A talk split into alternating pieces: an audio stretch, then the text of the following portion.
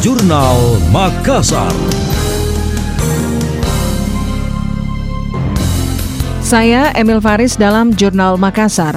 Wali Kota Dani Pemanto melaporkan potensi kerugian negara dalam proyek Jalan Metro Tanjung Bunga. Hal itu disampaikan saat menerima perwakilan Badan Pemeriksa Keuangan BPK. Kunjungan membahas rencana tim pemeriksa melakukan audit interim terhadap laporan keuangan pemerintah daerah LKPD pada tahun 2021. Dani usai pertemuan mempersilahkan dan memberi keleluasaan dalam pengungkapan fakta. Dia menyebutkan sejumlah masalah yang perlu diungkap seperti pengerjaan Jalan Metro Tanjung Bunga. Dalam pandangannya ada kerugian negara yang besar. Biaya proyek dinilai sangat besar dengan panjang hanya 250 meter. Masalah lainnya kebocoran pajak di Bapenda dan di Badan Usaha Milik Daerah BUMD.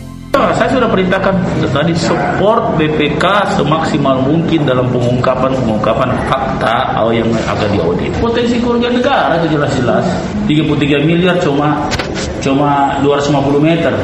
Kita tidak cukup 90 miliar 5 kilo. Dua arus lagi. Aneh itu jelas sekali.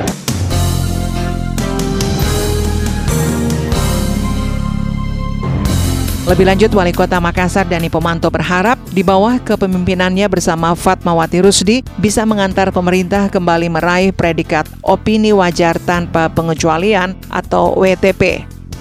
Anda masih mendengarkan Jurnal Makassar dari Radio Smart FM.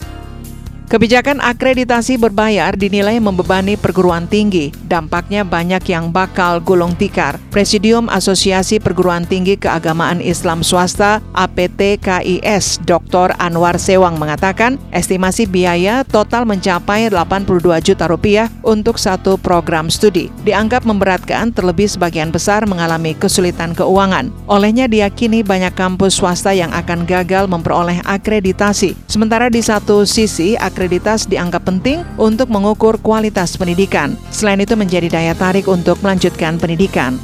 Tapi bagi perguruan tinggi yang miskin itu akan menjadi beban yang sangat berat. Dan pada umumnya PT KIS itu adalah perguruan tinggi miskin.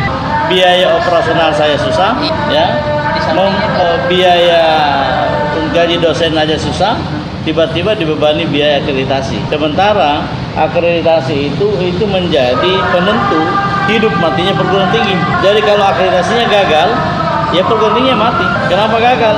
Tidak punya biaya untuk mengakreditasi, pasti mati.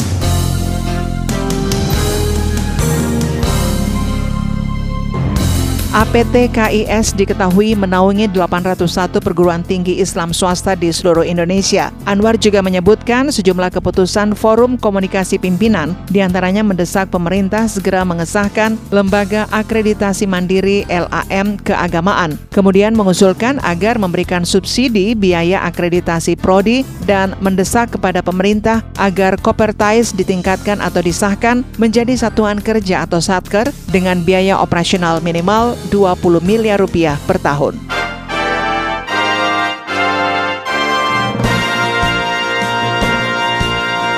Demikian tadi, Jurnal Makassar.